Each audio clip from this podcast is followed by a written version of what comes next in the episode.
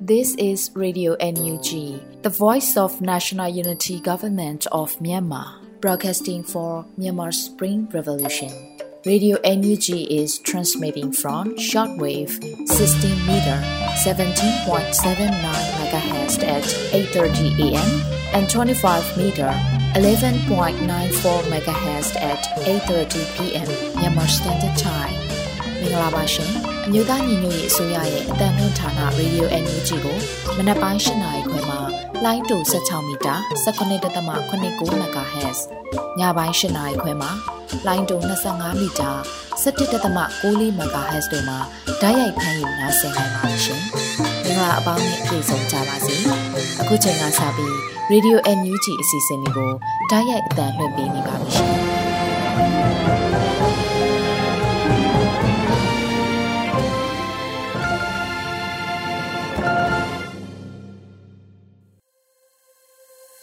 င်္ဂလာပေါင်းနဲ့ပြည့်စုံကြပါစေခင်ဗျာတိတ်ဆိတ်ချင်းဒီအကျယ်လောင်ဆုံးအတန်လို့ဆိုလေးရှိကြသလိုစစ်အာဏာရှင်လူတစုကို လူထုတရက်လုံးကအတန်တိတ်ဆန္ဒပြတော်လှန်ကြမယ်နေ့မှာရေဒီယိုအန်ယူတီရဲ့ထုတ်လွှင့်မှုအစီအစဉ်တွေကိုစတင်လိုက်ပါရစေအရင်ဦးဆုံးကာကွယ်ရေးဝန်ကြီးဌာနရဲ့စစ်ရေးတရင်အချင်းချုပ်တွေကိုစောတဲလူနေကတင်ပြပါမယ်ခင်ဗျာ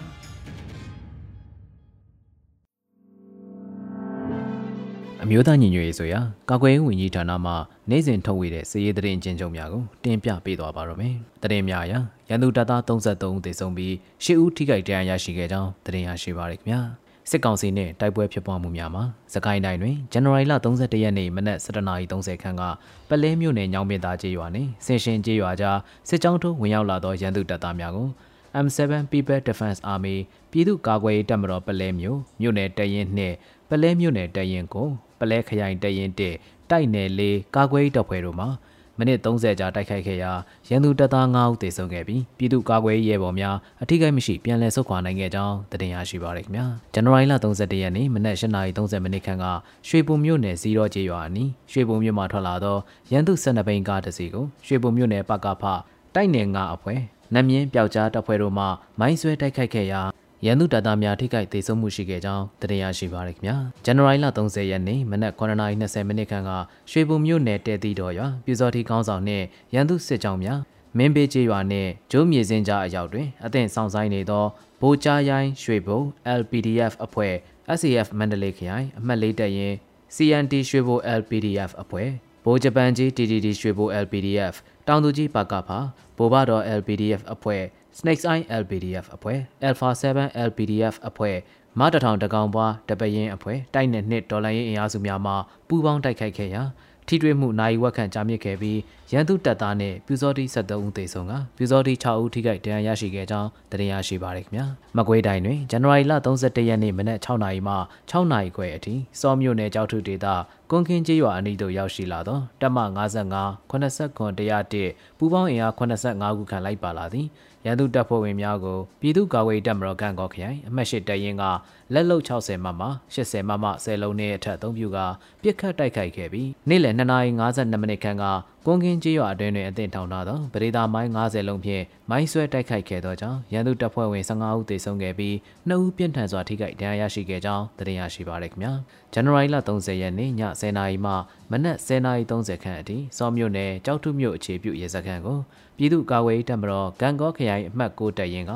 လက်လုံ60မမ80မမ10လုံးနဲ့အထက်အသုံးပြုကပြစ်ခတ်တိုက်ခိုက်ခဲ့သောကြောင့်ရန်သူတပ်ဖွဲ့ဝင်များထိခိုက်ဒဏ်ရာရရှိနိုင်ကြောင်းသတင်းရရှိပါရခင်ဗျာ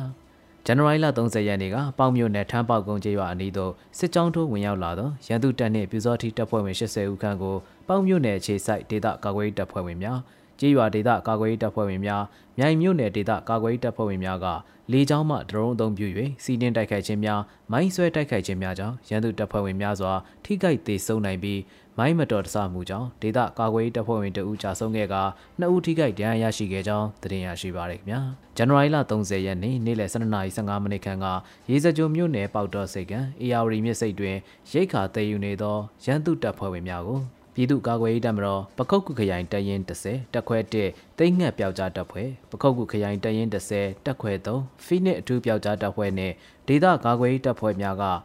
လက်လုံ60မမလက်နက်ကြီးများဖြင့်စီးနှင်းတိုက်ခိုက်ခဲ့သောကြောင့်ရန်သူတပ်ဖွဲ့ဝင်များထိခိုက်ဒေဆုံးနိုင်ကြောင်းသတင်းရရှိပါရခင်ဗျာတနင်္လာရီတိုင်းတွင်ဇန်နဝါရီလ30ရက်နေ့မနက်၈နာရီခန့်ကရေဖြူမြို့နယ်ဇီးကြရွာဖြတ်ပြီး တဝယ်ဘက်သို့ဆင်းလာသည့်ရန်သူရင်တန်းကိုပြည်သူ့ကာကွယ်ရေးတပ်ဖွဲ့မှမိုင်းနှလုံးဆွဲ၍တိုက်ခိုက်၍ပြန်လည်ဆုတ်ခွာခဲ့ပါသည်ရင်းစဟာရွာအနီးတွင်ရန်သူတပ်သားများကားပေါ်မှဆင်၍အမျိုးသားနှစ်ဦးကိုအကြောင်းမဲ့လူသားတိုင်းအဖြစ်ဖမ်းဆီးခေါ်ဆောင်သွားခဲ့ကြောင်းသတင်းရရှိပါရခင်ဗျာ။ စစ်ကောင်စီကျူးလွန်သောရာဇဝတ်မှုများမှာစကိုင်းတိုင်းတွင်ဇန်နဝါရီလ31ရက်နေ့နေ့လယ်12:30မိနစ်ခန့်ကကမ်ဘလူမြို့နယ်ညောင်စင်ကြီးကျေးရွာသို့ခမာယ361ပြူစောတိစုစုပေါင်းအင်အား150ခန့်ဝင်ရောက်ခဲ့ပြီးနေအိမ်များကိုမီးရှို့ဖျက်ဆီးသွားခဲ့ကြောင်းသိရရှိပါရခင်ဗျာဇန်နဝါရီလ30ရက်နေ့ညပိုင်းကကတာမြို့နယ်မိုးတားလေးကျေးရွာသို့ရန်သူတပ်သားများဝင်ရောက်ခဲ့ပြီးနေအိမ်6လုံးကိုမီးရှို့ဖျက်ဆီးသွားခဲ့ကြောင်းသိရရှိပါရခင်ဗျာ။ ဇန်နဝါရီလ30ရက်နေ့နနက်ပိုင်းကရွှေဘုံမြို့နယ်မအူပင်အရှိရွာမအူပင်အနောက်ရွာတို့မှနေအိမ်400ကျော်နှင့်အင်ဂျင်ပင်ရွာစိုင်းတို့ရွာနေအိမ်များကိုရန်သူတပ်နှင့်ပြူစောတိစစ်ကြောင်းမှမိရှို့ဖျက်ဆီးခဲ့ပြီးမအူပင်အရှိရွာမှကိုမြင့်တန်းဥကန်ထူး2ဦးကိုတပ်ဖြတ်မိရှို့သွားခဲ့ကြောင်းသတင်းရရှိပါရခင်ဗျာ။ ဇန်နဝါရီလ30ရက်နေ့မနက်8:30မိနစ်ခန့်ကကဏီမြို့နယ်တပြေတော်ကျေးရွာအနီးတွင်ချင်းတွင်းမြစ်ကြောင်းအတိုင်းရင်းမဘဲမှကဏီဘက်သို့ဆန်တက်လာသည့်ဆက်လီအားရန်သူရေရင်ပေါ်မှလက်နက်ငယ်များဖြင့်ပစ်ခတ်ရာဆက်လီပေါ်ရှိမိသားစုထဲမှမက်မမာဝင်းနှလုံးဖောက်ရည်တိတ်ဆုံးသွားခဲ့ကြောင်းသိရရှိပါရခင်ဗျာ။ မကွေးတိုင်းတွင်ဇန်နဝါရီလ31ရက်နေ့မနက်၈နာရီခန့်ကမင်းဘူးစကုမြို့နယ်ဥယျာဉ်စင်ကျေးရွာမှာအသက်45နှစ်အရွယ်မျိုးသမီးတဦးနှင့်စိန်လန်းစားတောက်ဆိုင်မှဆိုင်ဝန်ထမ်းတဦးဟာ PDF ထောက်ပံ့သူများဟုမဟုတ်မမှန်ဆွဆွဲကအရက်ဝတ်လက်နက်ကင်ဆောင်ထားသူများနှင့်ရန်သူတပ်ဖွဲ့ဝင်များကအကြမ်းဖက်ဖမ်းဆီးသွားခဲ့ကြောင်းသိရရှိပါရခင်ဗျာ။ ဇန်နဝါရီလ30ရက်နေ့ညနေ9:00နာရီခန့်ကပခုတ်ကူမြို့နယ်ပခုတ်ကူခြေဆိုင်တပ်မ101မှပြူစောထီးနှင့်ရန်သူတပ်ဖွဲ့ဝင်စုစုပေါင်း150ခန့်လိုက်ပါလာသောစစ်ကြောင်းဟာကန်တော်ကျေးရွာအတွင်းသို့ဝင်ရောက်ကပြည်သူပိုင်နေအိမ်များကိုအကြမ်းဖက်မိရှုဖျက်ဆီးခဲ့သောကြောင့်ပြည်သူပိုင်နေအိမ်80ခန့်မိလောင်ပြကြခဲ့ပြီးကန်တော်ရွာနှင့်အနီးနားပတ်ဝန်းကျင်ရှိဒေသခံပြည်သူ1000ခန့်ဘေးလွတ်ရာသို့ထွက်ပြေးတိမ်းရှောင်နေရကြောင်းတင်ပြရရှိပါရခင်ဗျာ။ ဇန်နဝါရီလ30ရက်နေ့ည7:00နာရီခန့်ကပခုတ်ကူမြို့နယ်ပခုတ်ကူအခြေစိုက်တပ်မ101မှပြူစောတိနှင့်ရန်သူတပ်ဖွဲ့ဝင်စုစုပေါင်း150ခန့်လိုက်ပါလာသောစစ်ကြောင်းဟာကန်တော်ကျေးရွာမှတဆင်စားချင်းကျေးရွာသို့ဝင်ရောက်ကာပြည်သူပိုင်နေအိမ်များကိုအကြမ်းဖက်မိရှို့ဖျက်ဆီးခဲ့သောကြောင့်ပြည်သူပိုင်နေအိမ်20ခန့်မိလောင်ပြကြခဲ့ပြီးစက်ချင်းရွာနှင့်အနီးတစ်ဝိုက်ရှိဒေသခံပြည်သူများဘေးလွတ်ရာသို့ထွက်ပြေးတိမ်းရှောင်နေကြတဲ့အကြောင်းသတင်းရရှိပါရခင်ဗျာဇန်နဝါရီလ30ရက်နေ့မနက်6:00နာရီခန့်က ပေါင်မြို့နယ်ဖလန်ကိုင်းရေနံမော်မှတဆင့်ထမ်းပေါက်ကုန်းကျေးရွာသို့ဝင်ရောက်လာသောရန်သူတပ်ဖွဲ့ဝင်80ခန့်ဟာပြည်သူပိုင်နေအိမ်များနှင့်ရေနံတွင်းများကိုအကြမ်းဖက်မိရှို့ဖျက်ဆီးခဲ့သောကြောင့်ပြည်သူပိုင်နေအိမ်10လုံးနှင့်အစိုးရပိုင်ရေနံတွင်းနှစ်တွင်မိလောင်ပြကျသွားခဲ့ကြောင်းသတင်းရရှိပါရခင်ဗျာယခုဖော်ပြပါသတင်းများကိုမြေပြင်သတင်းတာဝန်ခံများနှင့်သတင်းဌာနများမှဖော်ပြလာသောအချက်လက်များပေါ်တွင်အခြေခံပြုစုထားခြင်းဖြစ်ပါတယ်ကျွန်တော်စောတဲလူနေပါ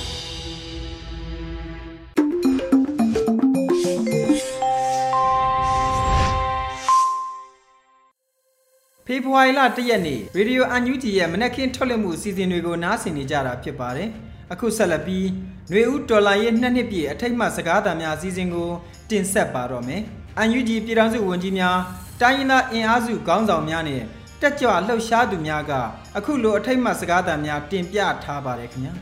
။ရေဒီယိုအန်ယူဂျီသောသားရှင်များနဲ့မြန်မာပြည်သူပြည်သားအပေါင်းတို့ရှင်2021ခုနှစ်ကမြန်မာနိုင်ငံမှာအကြမ်းဖက်စစ်တပ်ကလက်နက်အားကိုနဲ့ ပြည်သူလူထုထံကနေနိုင်ငံတော်အာဏာကိုလူယူအကြမ်းဖက်ခဲ့တာဆိုရင်ဒီကနေ့ဖေဖော်ဝါရီလ၁ရက်နေ့မှာနှစ်နှစ်တင်းတင်းပြည့်ခဲ့ပြီဖြစ်ပါတယ်။ဒီကနေ့မှာနွေဦးတော်လှန်ရေးနှစ်နှစ်ပြည့်အထိမ်းအမှတ်အဖြစ်အမျိုးသားညီညွတ်ရေးအစိုးရအဖွဲ့ဝင်ဝင်ကြီးများတိုင်းသားတော်လှန်ရေးအင်အားစုခေါင်းဆောင်များနဲ့နွေဦးတော်လှန်ရေးတက်ကြွလှုပ်ရှားသူတို့ရဲ့စကားသံတွေကိုရေဒီယို NUG မှစူးစီးတင်ဆက်ပေးသွားမှာဖြစ်ပါတယ်။အခုပထမအဦးဆုံးအနေနဲ့နိုင်ငံခြားရေးဝန်ကြီးဌာနပြည်ထောင်စုဝန်ကြီးဒေါ်စင်မအောင်ရဲ့စကားသံကိုကြားကြရမှာဖြစ်ပါတယ်ရှင်။နှွေဦးတော်လန်ရေးနှစ်နှစ်ပြည့်ပေါ့နော်။နှစ်ပတ်လည်မှာကျွန်မရေဒီယိုအန်ယူဂျီကနေပြီးတော့တဆင့်ကျေးဇူးတင်စကားပြောလိုတာလေးတွေရှိပါတယ်။ကျွန်တော်တို့ရဲ့တိုင်းသားလုပ်ဖို့ကံဘက်တွေတပိတ်ကော်မတီတွေ CDM movement မှာပါဝင်ကြတဲ့နိုင်ငံဝန်ထမ်းတွေကျွန်တော်တို့ရဲ့အရက်ဖက်အဖွဲ့အစည်းနောက်ပြီးတော့ကျွန်တော်တို့ရဲ့ ပြည်သူဘက်ကနေပြီးတော့ရက်တည်တဲ့လွတ်တော်ကိုယ်စားလှယ်တွေနောက်ပြီးတော့အတိုင်းအငံကောင်စီတွေနဲ့ကျမတို့ပြည်သူ့ကာကွယ်ရေးတပ်မတော်ကတပ်မတော်သားများအပါအဝင်ပေါ့လေနော်မြန်မာနိုင်ငံတနက်တန်လျားမှာရှိတဲ့တကယ်ကိုဒီတော်လှန်ရေးမှာသူမတူအောင်တတိပြောင်းမြောက်မှုကိုပြသနိုင်ခဲ့ကြတယ်မြန်မာနိုင်ငံသူနိုင်ငံသားအားလုံးကိုကျွန်မအနေနဲ့ဒီနေရာကနေပြီးတော့ကျေးဇူးတင်ရှိကြောင်းပြောလိုပါတယ်ဆက်လက်ပြီးတော့လည်းပဲဒီနှစ်ဟာကျွန်တော်တို့တော်လှန်ရေးရဲ့ ချိုးခွေးတစ်ခုကိုတော့ရောက်အောင်ကိုချီတက်ကြရမယ်နှစ်တစ်နှစ်ဖြစ်တာနဲ့အညီကျမတို့တွေအတန်နေမကွဲပဲနဲ့စိတ်ဝမ်းနေမကွဲကြပဲနဲ့တတန်တဲညီတချီတဲ့ဆက်လက်ပြီးတော့ရုံးကြပါစို့လို့ကျမအနေနဲ့အားပေးတိုက်တွန်းလိုက်ရပါတယ်ကျေးဇူးတင်ပါတယ်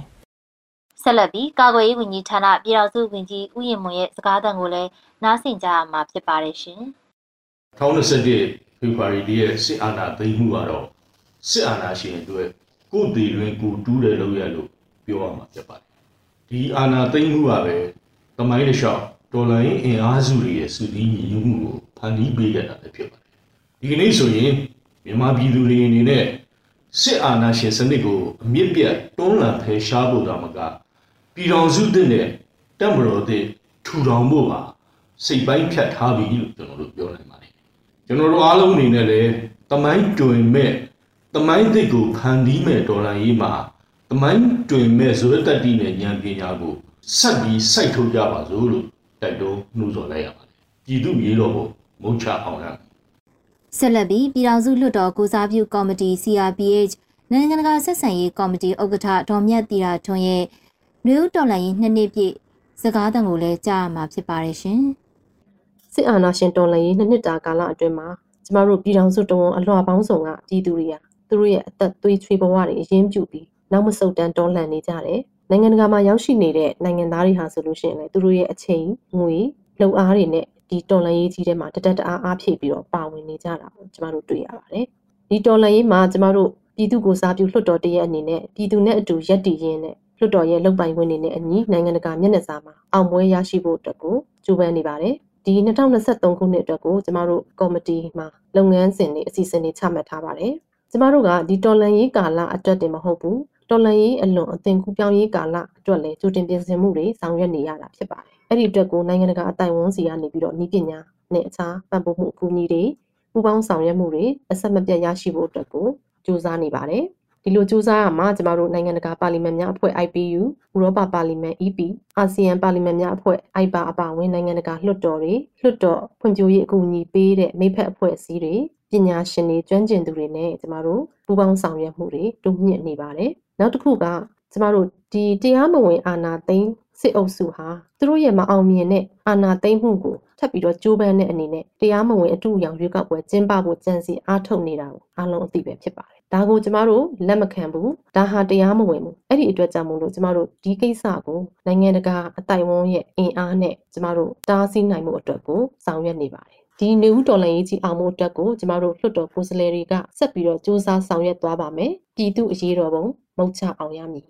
ခုဆက်လက်ပြီးနိုင်ငံခြားရေးဝန်ကြီးဌာနဒုဝန်ကြီးဦးမိုးစောဦးရဲ့ຫນွေဦးတော်လှန်ရေးနှစ်နှစ်ပြည့်စကားသံကိုလည်းနားဆင်ရမှာဖြစ်ပါတယ်ရှင်။ ယခုကျွန်တော်တို့တော်လှန်ရေးနဲ့ပတ်သက်ပြီးတော့ပြည်သူလူထုကတော့စိတ်ပိုင်းဖြတ်မှုကတော့ဒါအခိုင်အမာရှိနေပြီ။ပြည်သူလူထုကတော့လုံးဝနောက်ဆုံးမှမဟုတ်တော့ဘူး။ရှုံးပေးမှမဟုတ်တော့ဘူး။အဲ့တော့ဒါနဲ့ပတ်သက်ပြီးတော့ဒါထင်ထင်ရှားရှားလည်းသူတို့အနေနဲ့ ပြထားပြီးပြီပေါ့နော်လုံးဝဖောင်းပြထားပြီးပြီဆိုတော့ကျွန်တော်တို့ဆက်သွားဖို့ပဲရှိတယ်အဲ့တော့အခုဆိုလို့ရှိရင်လည်းကျွန်တော်တို့ရဲ့ဒေါ်လာရင်းနဲ့ပတ်သက်ပြီးနိုင်ငံတကာမှာရောက်ရှိတဲ့မြန်မာနေဘဝတိုင်းသားတွေအသီးသီးကလည်းဒါကြောင့်ငွေတွေထောက်ပံ့တယ်နောက်ခုရောက်တဲ့နေရာကနေပြီးတော့မှနီးအမျိုးမျိုးနဲ့ပေါ့နော်ဒါအခုညီပေးဖို့စူးစမ်းကြခဲ့ကြတယ်အဲ့တော့ပေါ့နော်ဒီလိုမျိုးအားလုံးပေါ့ပြည်တွင်းပြည်ပမျိုးမှာရောကျေးလက်ဒေသတွေရောလူမျိုးပေါင်းစုံလူဒန်းစားပေါင်းစုံအဲနောက်တစ်ခါဒီ generation ပေါ့လေမျိုးဆက်ပေါင်းစုံအားလုံးကဝိုင်းပြီးတော့ဒီဒေါ်လာရင်းကိုကိုတီးကိုခိုင်နဲ့ပေါ့နော်ဆင်နွှဲနေတာဖြစ်ပါတယ်အဲ့ဒီအတွက်ကြောင့်ကျွန်တော်တို့အနေနဲ့ဒီဒေါ်လာကြီးဟာနှစ်နှစ်တာကလကြာလာပြီဆိုပေမဲ့လို့လည်းကျွန်တော်တို့အောင်မြင်မယ်တစ်ချိန်ချိန်မှာမဖြစ်မတည်ကျွန်တော်တို့ကအောင်ပွဲကိုရရှိမယ်ဆိုတာသိကြတယ်ဆိုတဲ့အကြောင်းလေးကိုကျွန်တော်ပြောချင်ပါတယ်ဆက်လက်ပြီး KNDF ဥက္ကဋ္ဌခွန်ဘီချူရဲ့စကားသံကိုလည်းကြားရမှာဖြစ်ပါတယ်ရှင်ကျွန်တော်တို့တော်လန်တော်ပြည်သူလူထုတွေအားလုံးရေဒီယိုနားထောင်နေတဲ့ကျွန်တော်ပြည်သူတွေအားလုံးမင်္ဂလာပါလို့ကျွန်တော်ခွန်ဘီချူကနေနှုတ်ဆက်ပါတယ်ဒီနေ့ဆိုရင်ကျွန်တော်တို့တော်လန်ရေးနှစ်နှစ် တည်တည်ဟိုပေါ့နော်ရောက်လာတဲ့အခြေအနေမျိုးဖြစ်ပါတယ်လက်ရှိတော်လန်ရေးအခြေအနေတွေအားလုံးဟိုအနည်းချုပ်အားဖြစ်ပေါ့နော်မတရားအာဏာသိမ်းပြီးမှပြည်သူလူထုပေါ်မှာကြံဖက်တပ်ဖြတ်ရက်ဆက်တဲ့စစ်ကောင်စီကိုပေါ့နော်ဒါကျွန်တော်တို့တွန်းလှန်တဲ့တော်လန်ရေးကာလဖြစ်တယ်ဒီတော်လိုင်းကာလနှစ်နှစ်ထဲမှာလည်းကျွန်တော်တို့နေမြေတွေရောအတိုက်ခိုက်ရည်တွေရောပေါ့နော်ဒါလက်နက်ကတော်လိုင်းရေးတွေကိုကျွန်တော်တို့လှုပ်တဲ့ချိန်မှာဒါတွေအားလုံးဟိုကြုံရပြီးမှပေါ့နော်ပိုတိုးတက်ကောင်းမွန်လာတဲ့အခြေအနေတွေအများကြီးကျွန်တော်တို့တွေ့လာရပါတယ်အဲဒါကြောင့်မလို့လည်းကျွန်တော်နေမြေတွေတချို့နော်ကျွန်တော်တို့ရဲ့အာလူထုထောက်ခံမှုအမှားကန်ရှိတဲ့ဒေသတွေကိုအများပြပေါ့နော်ကျွန်တော်တို့ပိုင်ဆိုင်လာကြတယ်ပေါ့နော်သူ့ပြည့်ကျွန်တော်တို့တိုင်းဒါလက်နက်ကဖွဲ့စည်းတွေနဲ့ပေါ့နော်ဒီဒီမိုကရက်တစ်အင်အားစုတွေအားလုံးက ညီညွတ်မှုတွေကိုပိုမပြတ်လာနိုင်တဲ့အာသာချက်တွေကိုကျွန်တော်တို့အများပြတွေ့လာရတယ်။ဒါကြောင့်မလို့ဒီနနစ်တာတော်လိုင်းရေးမှာရှင်ကောင်းနေပြီဖြစ်တယ်ဒီထက်ပိုအားကောင်းဖို့ကျွန်တော်တို့ဆက်လက်ပြီးမှဖန်တီးယူရမယ်ဆိုတာကိုပေါ့နော်ပြောလိုပါတယ်ပေါ့နော်။ပြန်တဲ့နေ့ထက်မှာပဲကျွန်တော်တို့ခုဒီထက်ပိုတွန်းလှန်နိုင်ဖို့ပေါ့နော်အရှင်ယူရတော့မယ်ပိုကောင်းတဲ့လက်နက်တွေပိုကောင်းတဲ့တိုက်စီ အင်အားတွေနဲ့ပေါ့နော်ပိုကောင်းတဲ့အောင်မြင်မှုပိုရနိုင်တဲ့ဒီဒေါ်လာရေးကိုကျွန်တော်တို့2023တက်မှာပေါ့နော်ဒါအရယူနိုင်ဖို့တို့ကျွန်တော်တို့စိတ်ပိုင်ဖြတ်ထားကြရမှာဖြစ်ပါတယ်ပေါ့နော်အဲ့တော့ဟိုအခု NUG ဖက်ကထုတ်ပြန်တယ်လို့ပဲကျွန်တော်တို့တတန်တဲ့ညီတချီတဲ့ရုံပေါ့နော်ဒီ2023မှာပြုလုပ်ကြမှာဖြစ်ပါတယ်အဲ့တော့ရဲဘော်ပြည်သူလူထုတယောက်အနေနဲ့ရောဒီ KNDF မှာအဝတ်ထဖြစ်ဥဆောင်နေတဲ့လူတယောက်ရောပေါ့နော်ကျွန်တော်တို့ပြည်နယ်ပြည်နယ်ထဲမှာပေါ့နော်ဒီစီမံခန့်ခွဲနေရတဲ့လူတယောက်အနေနဲ့ရောဒီ NUG ဖိတ်ခေါ်တဲ့တတန်သေးညီတချီတဲ့ယုံအစီအစဉ်မှာကျွန်တော်တို့အားသက်တရောပါဝင်ကြမှာဖြစ်ပြီးမှဒီတော်လန်ရေးကိုဒီ2023ထဲမှာပေါ့နော်အကောင်းဆုံးနဲ့ပိုခိုင်မာတဲ့ပေါ့နော်တော်လန်ရေးနေ့တရားကိုကျွန်တော်ယူမှာဖြစ်ပါတယ်အဲ့တော့စစ်ကောင်စီတွေကိုလည်းကျွန်တော်တို့ဒီကနေပြောလိုတာကတော့တွေထွက်တန်ယုံပြီးမှပေါ့နော်တော်လိုင်းယူယူရမယ့်စာမှန်ကန်တဲ့လမ်းကြောင်းရွေးပါပြည်သူတွေအနာကိုပြန်ပေးပါ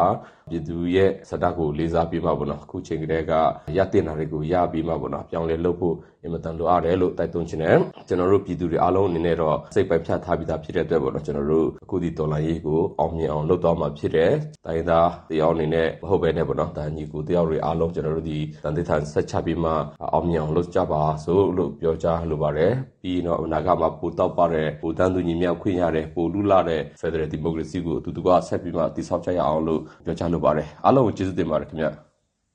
ဆက်လက်ပြီးပအိုမျိုးသားဖက်ဒရယ်ကောင်စီ PNFC ဥက္ကဋ္ဌခွန်မြင့်ထွန်းရဲ့မျိုးဥတော်လှန်ရေးနှစ်နှစ်ပြည့်စကားသံကိုနားဆင်ရမှာဖြစ်ပါတယ်ရှင်။ နွေဦးတော်လှန်ရေးအင်အားစုများအပါအဝင်တိုင်းသားလူမျိုးပေါင်းစုံပြည်သူလူထုတရက်လုံးကိုသတင်းစကားပါကျင်တာကတော့ကျွန်တော်တို့အားလုံးလက်ဆွဲစကားကတော့တကယ်ဖြစ်ချင်ရင်တကယ်လို့အဟုတ်ဖြစ်ရမည်ဆိုတဲ့စကားဖြစ်ပါတယ်။အခုဆိုရင်လဲနေလေအောင်မြင်းဆောင်မကြံပြည်သူလူထုကြီးတရက်လုံးဟာ ဖယ်ဒရယ်ပြည်ထောင်စုကိုထူထောင်မယ်ဆိုတဲ့ဘုံရည်မှန်းချက်တကယ်တူနေကြပြီဖြစ်ပါတယ်။ဆရာနာရှင်စနစ်ကိုဖျက်သိမ်းမယ်ဆိုတဲ့ရည်မှန်းချက်ကလည်းတူနေကြပြီဖြစ်ပါတယ်။အဲ့ဒီဆန္ဒတွေကတကယ်တူညီနေကြသလိုပဲမိမိတို့အသက်ဆွန့်ကြိုးပမ်းပြီးတော့နီလန်ပေါင်းစုံနဲ့လည်းပဲဒါကိုတကယ်လည်းအလုပ်လုပ်နေကြပြီဖြစ်ပါတယ်။ဒါကြောင့်ကျွန်တော်တို့လိုချင်တဲ့ဆရာနာရှင်စနစ်ကိုဖျက်သိမ်းပြီးတော့ဖယ်ဒရယ်ပြည်ထောင်စုကိုတကယ်ကျွန်တော်ထူထောင်နိုင်မယ်လို့ကျွန်တော်ယုံကြည်ထားပါတယ်။အခုဆိုရင်တိုင်းရင်းသားတော်လှန်ရေးတွေနှစ်ပေါင်း80ကျော်ဆင်နွှဲလာခဲ့တဲ့တော်လှန်ရေးရဲ့ရက်လက်2020ရွေးကောက်ပွဲရဲ့ရက်လက်မျိုးဦးတော်လှန်ရေးရဲ့ရက်လက်တွေစုပေါင်းညီညွတ်သွားပြီဖြစ်တဲ့အတွက်ပြည်တွင်းမှာလည်းပဲကျွန်တော်တို့တောင်ပေါ်မြေပြမခွဲဘဲနဲ့ဗမာများနဲ့ဗမာမဟုတ်သောသူရဲ့လို့မကွဲပြားတော့ဘဲနဲ့အားလုံးရဲ့ဘုံကြီးမှန်းချက်တူတူချမှတ်ပြီးတော့မှဆရာနာရှင်တွေကိုကျွန်တော်တို့တော်လှန်တိုက်ပွဲဝင်နေကြပြီဖြစ်ပါတယ်။ခုနှစ်တူပဲ နိုင်ငံတကာမှာဆိုလို့ရှိရင်လည်းအမေရိကန်အစိုးရလိုကအမျိုးသားကာကွယ်ဥပဒေလိုပြဋ္ဌာန်းပြီးတော့ကိုကြီးထောက်ပံ့တယ်။ဥရောပသမဂ္ဂအပါအဝင်နိုင်ငံတကာအင်အားစုများလည်းလေးလေးနက်နက်အတိမတ်ပြုပြီးတော့ကူညီနေကြပြီဖြစ်ပါတယ်။ဒါကြောင့်မို့လို့ကျွန်တော်တို့တော်လှန်ရေးကိုအောင်မြင်ခြင်းရင်တော်လှန်ရေးနဲ့တူအောင်တကယ်လုပ်ရင်တော့တကယ်ကိုအောင်မြင်ရမှာဖြစ်ပါတယ်။အခုဆိုကျွန်တော်တို့ကပြည်သူလူထုတရက်လုံးဟာတော်လှန်ရေးကိုတကယ်အောင်မြင်ခြင်းနေကြပြီဖြစ်ပါတယ်။တော်လှန်ရေးနဲ့တူအောင်နဲ့တကယ်လုပ်နေကြပြီဖြစ်ပါတယ်။ဒါကြောင့်ကျွန်တော်တို့ရဲ့အရေးတော်ပုံဟာတကယ်ကိုအောင်မြင်ရမယ်လို့ကျွန်တော်တို့ယုံကြည်ထားပါတယ် ဆက်လက်ပြီးနှွေဦးတော်လှန်ရေးတက်ကြွလှုပ်ရှားဆန္ဒပြခေါင်းဆောင်ဒေါက်တာသေးစာဆန်းရဲ့စကားသံကိုလည်းနားဆင်ကြရမှာဖြစ်ပါတယ်ရှင်။ကျွန်တော်တို့ပြည်သူလူထုတရက်လုံးရဲ့စုပေါင်းညီညွတ်မှုတော်လန်စိတ်တွေနဲ့အတူကျွန်တော်တို့တော်လန်ခရီးကိုနှစ်နှစ်ထိမဆုံးမနစ်ချီတက်ခဲ့ပြီ။အဲ့တော့ဒီ2023ကတော့အားလုံးလည်းမျှော်လင့်ကြတဲ့အတိုင်းကျွန်တော်တို့လူကျင်တဲ့အဆုံးသက်တိုက်ပွဲအတွက်အဆုံးဖြတ်နှစ်ဖြစ်ဖို့ကျွန်တော်တို့စ조사ရမယ်။ကျွန်တော်တို့လူထုအားလုံး တပန်နဲ့ညီတချီရဲ့ယုံ2023ရေတော်ပုံမုတ်ချအောင်ရမယ်အခုတခါမှာတော့ BPL လို့ခေါ်တဲ့ Burma People's Liberation Army ကောင်းဆောင်မောင်ဆောင်ခရဲ့နှွေဦးတော်လှန်ရေးနှစ်နှစ်ပြည့်စကားသံကိုနားဆင်ရမှာဖြစ်ပါတယ်ရှင်။အာနာတိမ့်မှုနှစ်နှစ်တာကာလအတွင်းမှာကျွန်တော်တို့ပြည်သူလူထုတွေရင်ဆိုင်ကြော်လွှားခဲ့ရတဲ့အခက်အခဲတွေအများကြီးရှိပါတယ်ကျွန်တော်လက်နက်ကင်လမ်းစဉ်ကိုရွေးချယ်ခဲ့ကြတဲ့လူငယ်တွေမှာလည်း တော်တဲ့တောင်ထဲမှာကြုံတွေ့ရတဲ့အခက်အခဲတွေပြင်ပန်းဆင်းရဲမှုတွေကိုဒီအာနာရှင်စနစ်ကိုငါတို့မျိုးဆက်မှာတော့အမြင့်ပြတ်တိုက်ထုတ်မယ်ဆိုတဲ့တန်တိတ်ထန်တစ်ခုတည်းနဲ့ရင်ဆိုင်ကျော်လွှားနိုင်ခဲ့ပါတယ်အဲ့တော့ဒီနှစ်နှစ်တာကာလအတွင်းမှာလက်ရှိအခြေအနေမှာဆိုရင်ပေါ့နော် NUG ပါဝင်ဒေါ်လာရင်းအင်အားစုတွေတော်တော်များများပိုးပြီးတော့စီလုံးညီညွတ်လာတာကိုကျွန်တော်တွေ့မြင်ရပါတယ် ဒါကတော့ကျွန်တော်တို့အားတက်စရာကိစ္စတစ်ခုအနေနဲ့ရှုမြင်ပါတယ်အထူးသဖြင့်တော့ NUG ကပြောထားခဲ့တဲ့အတိုင်းပဲပေါ့နော်ဒီ2023မှာဒီအဆုံးဖြတ်နှစ်တစ်ခုဖြစ်လာနိုင်တယ်ဆိုတာမျိုးပေါ့အဲ့တော့တကယ်လဲအဆုံးဖြတ်နှစ်တစ်ခုဖြစ်လာအောင်ကျွန်တော်တို့ဒေါ်လန်ရေးအင်အားစုတွေအားလုံးညီညီညွတ်ညွတ်နဲ့ဆောင်ရွက်သွားမယ်တိုက်ပွဲဝင်သွားမယ်ဆိုရင်ဒီဒေါ်လန်ရေးဟာဒီနှစ်အတွင်းမှာပေါ့နော်အဖြေတစ်ခုခုတော့ရနိုင်ကောင်းပါတယ်ဆိုတဲ့စဉ်းစားချက်ကျွန်တော်တို့မှာရှိပါတယ် ရအောင်လေကျွန်တော်တို့ကစူးစမ်းဆောင်ရွက်သွားမှာဖြစ်ပါတယ်အဲ့တော့ပြည်သူလူထုတရက်လုံးအနေနဲ့လဲစိတ်တက်ကြတာမျိုးအားငယ်တာမျိုးလုံးဝမဖြစ်ဖ ೇನೆ ဒီတော်လန်ရေးမှာကြာရနေရကိုနိုင်ရဝင်ကိုပါဝင်ထမ်းဆောင်ကြပါဒေါ်လန်ရေးမှာရတဲ့နီလန်းနဲ့ပေါ့နော်ပူပေါင်းပါဝင်ပေးကြပါလို့ပဲကျွန်တော်အဓိကထားမေတ္တာရက်ခံလိုပါတယ်အခုတစ်ခါမှာတော့ Radio NUG ရဲ့ဒါရိုက်တာတဦးဖြစ်တဲ့ဦးထွန်းမြတ်ဦးရဲ့စကားသံကိုလည်းနားဆင်ကြရမှာဖြစ်ပါတယ်ရှင်မြန်မာပြည်မှာ ဘူကြလွှမ်းမိုးနေတဲ့စစ်အာဏာရှင်စနစ်ကို အပြည့်သက်ခြေမှုမှုအတွက်ပြည်တွင်းပြည်ပပြည်သူများတိုင်းသားညီတော်များຫນွေဦးတော်လိုင်းရဲဘော်များ PDF များအမျိုးသားညီညွတ်ရေးအစိုးရနဲ့အတူပူးပေါင်းပြီးတတန်နဲ့ညီတချီတဲ့ယုံ2023ဆိုပြီးအာနာရှင်စနစ်ကို အပြည့်သက်တွန်းလှန်တိုက်ထုတ်ကြပါစို့လို့နှိုးဆော်တိုက်တွန်းလိုက်ပါတယ်ပြည်သူအရေးတော်ပုံ အောင်ကိုအောင်ရမည်ဆက်လက်ပြီးပြည်သူအချစ်တော်တရုတ်ဆောင်တောင်းရဲ့နှွေဦးတော်လှန်ရေးနှစ်နှစ်ပြည့်စကားသံကိုနားဆင်ကြည့်ပါရှင်တတန်တဲ့ညီတချီတဲ့ယုံဆိုတဲ့အတိုင်းပဲကျွန်တော်တို့နိုင်ငံရဲ့အာဏာရှင်အမြင့်ဖြတ်မှုတမိုင်းမှာကျွန်တော်နိုင်ငံသားတွေအားလုံးရဲ့လက်ထဲမှာရှိပါတယ်အဲဒီအတွက်အာဏာယူရီရဲ့ရွေးကောက်ပွဲကိုဖြစ်မြောက်မှုမဖြစ်မြောက်မှုဆိုတာလေကျွန်တော်နိုင်ငံရဲ့ပြည်သူတူတယောက်ချင်းစီရဲ့ရည်တည်မှုတွေပေါ်မူတည်ပါတယ်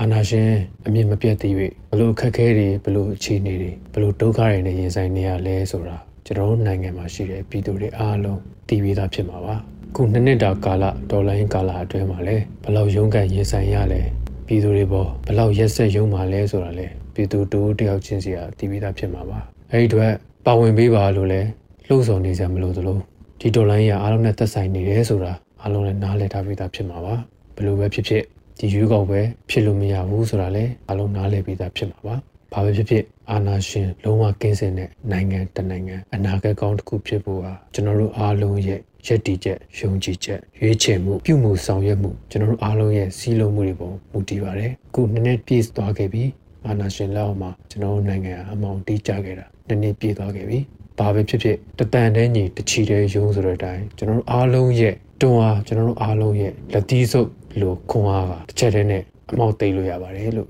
ပြောချင်ပါတယ်အားလုံးလက်တီးတင်းတင်းဆုပ်ပြီးယုံကြည်ချက်ကိုခိုင်မာမာယက်တည်ပေးပါလို့ပြောပြစီရေတော်ပုံအောင်ရမည်အခုတစ်ခါမှာတော့ CRPH NUG Supporting Germany မှာမြမရေးလှုပ်ရှားသူဒေါ်သိန်းကြီးလွင်5ရဲ့စကားသံကိုလည်းနားဆင်ရမှာဖြစ်ပါတယ်ရှင်ဒီတိုက်ပွဲဟာမြမမြေပေါ်ကနေအာနာရှင်စနစ်ကိုအပြည့်တိုင်အဆုံးသတ်ဖို့အာနာသိန်းစက်ဝန်းကြီးကို ခြေဖြတ်ပစ်ဖို့ ဖြစ်လာတာဆိုတော့အချိန်အားဖြည့်ကြမယ်ဆိုတာတွေးမိပါတယ်။ຫນွေဦးတော်လှန်ရေးရဲ့အောင်မြင်မှုအတွက်ပြည်သူတွေရှိတယ် CRPH NUG ရှိတယ်စွန့်လွတ်စွန့်စားရတဲ့မျိုးဆက်တွေရှိတယ်။ကျမတို့မှလိုနေတာဆိုလို့ဘန္တာငွေကြေးပဲဖြစ်ပါတယ်။ဘန္တာရေးထောက်ပံ့မှုအားကောင်းလာတာနဲ့အမျှကျမတို့ပန်းတိုင်ကလည်းအမြန်ရောက်မှအသေးအချာပဲဖြစ်ပါတယ်။ဒါကြောင့်ကျမတို့ဂျာမနီနိုင်ငံရောက်မြန်မာများအနေနဲ့ ဗန္နာငွေရှာဖွေရေးရန်ပုံငွေရှာဖွေရေးစုပေါင်းဆောင်ရွက်နိုင်ကြဖို့အတွက်တိုင်းရင်းသားအဖွဲ့အစည်းတွေနိုင်ငံရေးအဖွဲ့အစည်းတွေနဲ့စုစည်းပြီးတော့ CRPH NUG Support Team Germany ဆိုတဲ့ working group လေးကိုဖွဲ့စည်းပြီးရန်ပုံငွေရှာဖွေရေးနဲ့ letter campaign တွေဆန္ဒပြတောင်းဆိုမှုတွေစတဲ့လှုပ်ရှားမှုတွေကိုစီစီလုံးလုံးနဲ့လှုပ်ဆောင်နိုင်ခဲ့ကြပါတယ်။ မြန်မာပြည်ရဲ့အနာဂတ်မျိုးဆက်သစ်တွေကို ကျမပေးခြင်းတဲ့သတင်းစကားကတော့စုပေါင်းလှုပ်ဆောင်မှုစုပေါင်းဥဆောင်မှုဟာအရန်အရေးကြီးပါတယ်။အကျိုးများပါတယ်ဆိုတာပါပဲရှင်။စုပေါင်းလှုပ်ဆောင်မှု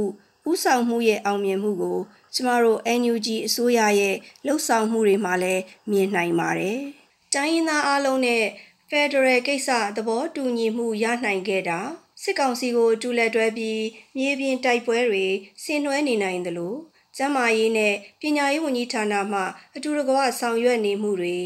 နိုင်ငံခြားရေးဝန်ကြီးဌာနအပြည်ပြည်ဆိုင်ရာပူးပေါင်းဆောင်ရွက်ရေးဝန်ကြီးဌာနနဲ့လူအခွင့်ရေးဆိုင်ရာဝန်ကြီးဌာနပူးပေါင်းပြီးပြည်ပရေးရာတန်ငင်းတမန်ငင်းဆိုင်ရာအောင်မြင်နေမှုတွေကာကွယ်ရေးဝန်ကြီးဌာန ပြည်ထရေးဝန်ကြီးဌာနနဲ့ဤပညာဝန်ကြီးဌာနပူးပေါင်းပြီးတော့အစီအမြင့်ဤပညာသုံးတိုက်ပွဲဖော်ဆောင်နေမှုတွေပြောလို့မကုန်နိုင်အောင်ပါပဲရှင်ဒီလိုမျိုးစုပေါင်းလှုပ်ဆောင်မှုစုပေါင်းဥဆောင်မှုနဲ့ကျမတို့ຫນွေဦးတော်လှန်ရေးဟာမအောင်မြင်စရာအကြောင်းမရှိပါဘူး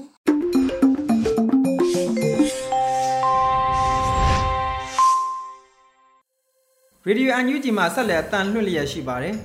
အခုတင်ပြမယ့်နောက်ဆုံးရသတင်းများကိုတော့အဲရီကဖတ်ကြားပါမယ်ခင်ဗျာ2023ခုနှစ်ဖေဖော်ဝါရီလ1ရက်နေ့ Radio NUG မနက်ခင်းပြည်တွင်သတင်းတွေကိုတင်ပြပေးတော့မှာဖြစ်ပါတယ်။ကျွန်မကတော့အဲရီပါရှင်။ပထမအဆုံးအနေနဲ့အကြံဖတ်စစ်ကောင်စီတပ်တွေမြေပြင်မှာရှုံးနေနေပြီလို့ပြည်တော်စုလွှတ်တော်ကိုဝန်ကြီးချုပ်မန်ဝင်းခိုင်တန်းအစီရင်ခံခဲ့တဲ့သတင်းကိုတင်ပြပေးပါမယ်။ ဇန်နဝါရီလ31ရက်နေ့ကကျင်းပတဲ့ပြည်ထောင်စုလွှတ်တော်ပြင်ဆမအကြိမ်စီဝေးပထမနေ့မှာပြည်ထောင်စုဝန်ကြီးချုပ်မန်ဝင်းခိုင်တန်းကအခုလိုဆိုပါတယ်။စီရေးကဏ္ဍမှာဆိုရင်လည်းနှစ်ပေါင်းများစွာတိုင်းပြည်ရဲ့ဖဏ္ဍာငွေကိုအသုံးပြုတိစောက်ခဲ့တဲ့ဆိုတော့အကြမ်းဖက်စစ်ကောင်စီရဲ့စစ်တပ်ဟာစိတ်ဓာတ်တစ်ခုကိုအရင်တည်ပြီးလက်နက်ပြည့်ပြည့်စုံစုံမရှိသေးတဲ့အတွေ့အကြုံလည်းနှုတ်နယ်သေးတဲ့ကျွန်တော်တို့ရဲ့ PDF တွေ LDF တွေမဟာမိတ် ERO တွေကိုမြေပြင်မှာလုံးဝရှင်းနိုင်တော့ခြင်းမရှိတော့ဘဲလေချောင်းကိုသာအာကိုတိုက်ခတ်ရတဲ့အခြေအနေဖြစ်ပါတယ်လို့ဆိုပါတယ် 2021ခုနှစ်စက်တင်ဘာလ9ရက်နေ့မှာပြည်သူ့ခုခံတွန်းလှန်စစ်တွေစတင်မှုအမျိုးသားညီညွတ်ရေးအစိုးရကကြေညာခဲ့ပြီးပြည်သူ့ခုခံတွန်းလှန်စစ်တစ်နှစ်ကျော်ကာလအတွင်းမှာအကြံဖတ်စစ်ကောင်စီတပ်ကတပ်ဖွဲ့ဝင်2000ကျော်တေဆုံးခဲ့ရပြီဖြစ်ပါတယ်ရှင်။ဆက်လက်ပြီးຫນွေဦးတော်လှန်ရေးကမ္ဘာလုံးဆိုင်ရာဆွေးနွေးပွဲကိုပြည်ထောင်စုဝန်ကြီးတွေတက်ရောက်သွားမယ့်တဲ့တင်ကိုတင်ပြပေးပါမယ်။ဖေဖော်ဝါရီလ9ရက်နေ့ကနေ26ရက်နေ့အတွင်းတရက်စီကဏ္ဍ၄ခုနဲ့ကျင်းပမဲ့ ຫນွေဦးတော်လှန်ရေးကမ္ဘာလုံးဆိုင်ရာဆွေးနွေးပွဲမှာပြည်ထောင်စုဝန်ကြီးတွေဖြစ်ကြတဲ့ဦးရီမွန်ဦးတင်ထွန်းနိုင်နဲ့ဦးထင်လျောင်တို့တက်ရောက်သွားမယ်လို့သိရှိရပါတယ်။ဆွေးနွေးပွဲအစီအစဉ်ရဲ့ကဏ္ဍတစ်ဖြစ်တဲ့ပြည်သူ့ခုခံစစ်စကားဝိုင်းကိုဖေဖော်ဝါရီလ9ရက်နေ့မြန်မာစံတော်ချိန်မနက်၈နာရီခွဲကဏ္ဍနှစ်ဖြစ်တဲ့ Federal အရေးပြည်သူ့အုပ်ချုပ်ရေးနဲ့အသွင်ကူးပြောင်းရေးကာလတရားမျှတမှုစကားဝိုင်းကိုဖေဖော်ဝါရီလဒုတိယအပတ်မှာ၎င်းကဏ္ဍ၃ဖြစ်တဲ့ပြည်သူ့ဝန်ဆောင်မှုကဏ္ဍနဲ့အကူအညီပေးအပ်မှုများစကားဝိုင်းကိုဖေဖော်ဝါရီလတတိယအပတ်နဲ့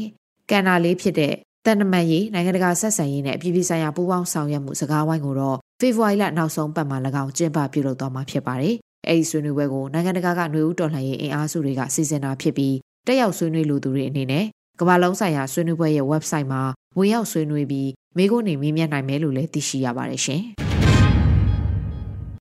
လူခွင့်ရေးဆိုင်ရာဝန်ကြီးနော်ဝေးအစိုးရအပါအဝင်နော်ဝေးပါလီမန်အမတ်တွေနဲ့တွေ့ဆုံခဲ့တဲ့သတင်းကိုလည်းတင်ပြပေးပါမယ်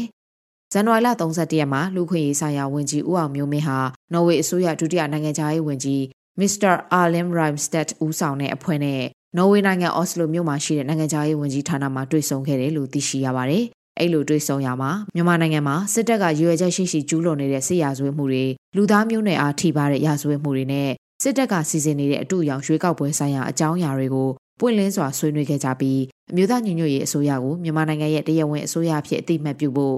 မြန်မာစစ်အကြမ်းဖက်အုပ်စုကိုအပြစ်ပေးအရေးယူနိုင်ရေးအာဆီယံကတောင်းဆိုနေတဲ့နိုင်ငံတကာအကူအညီပေးမှုဆိုင်ရာကန့်လန့်ချက်တွေကိုနော်ဝေနိုင်ငံအနေနဲ့ထောက်ခံအားပေးကူညီပေးဖို့စတာတွေကိုပြည်ထောင်စုဝန်ကြီးကတောင်းဆိုခဲ့ပါတယ်။ဒါအပြင်နော်ဝေနိုင်ငံအနေနဲ့အရင်နှစ်ကမြန်မာနိုင်ငံနဲ့ဆက်လင်းပြီးကုလသမဂ္ဂလုံခြုံရေးကောင်စီမှဆန္ဒပြုထောက်ခံခဲ့မှုကိုအခုနှစ်မှာလည်းဆက်လက်ထောက်ခံမှုပြုပေးပါရန်နဲ့ကာကွယ်မှုပြုပေးပါရန်တို့ပြောကြားခဲ့ပါတယ်။ဝန်ကြီးဦးအောင်မျိုးမင်းဟာ Literature Herset မှာကျင်းပမဲ့ Seminar Burma 2 years after the military coup ကိုတက်ရောက်ပြီးမြန်မာနိုင်ငံအရေးနဲ့ပတ်သက်လို့ဆွေးနွေးပြောကြားသွားမှလည်းဖြစ်တယ်လို့သိရှိရပါတယ်ရှင်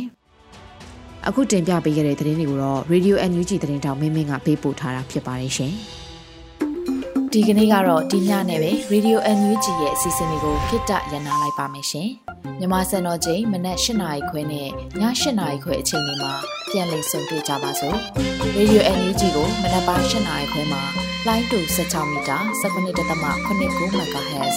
ညပိုင်း၈နာရီခွဲမှာလိုင်းတူ25မီတာ17.6 MHz တို့မှာဓာတ်ရိုက်ဖမ်းလို့နိုင်စေနိုင်ပါပြီ။မြန်မာနိုင်ငံသူနိုင်ငံသားတွေကိုစိတ်နှပြကျန်းမာချမ်းသာလို့ဘေးကင်းလုံခြုံကြပါစေလို့ Radio NUG အဖွဲ့သူဖွဲ့သားတွေကဆုတောင်းမြတ်တာပို့တာလိုက်ရပါတယ်ရှင်။အမျိုးသားညီညွတ်ရေးအစိုးရရဲ့စက်သွေးရေးသတင်းအချက်အလက်နဲ့မျိုးပညာဝန်ကြီးဌာနက ထုတ်လွှင့်နေတဲ့ Radio NUG ဖြစ်ပါတယ်။ San Francisco Bay Area အခြေစိုက်မြန်မာမိသားစုတွေနဲ့နိုင်ငံတကာကစေတနာရှင်လို့အားပေးနေတဲ့ Radio NUG ဖြစ်ပါတယ်။အရေးတော်ပုံအောင်ရမည်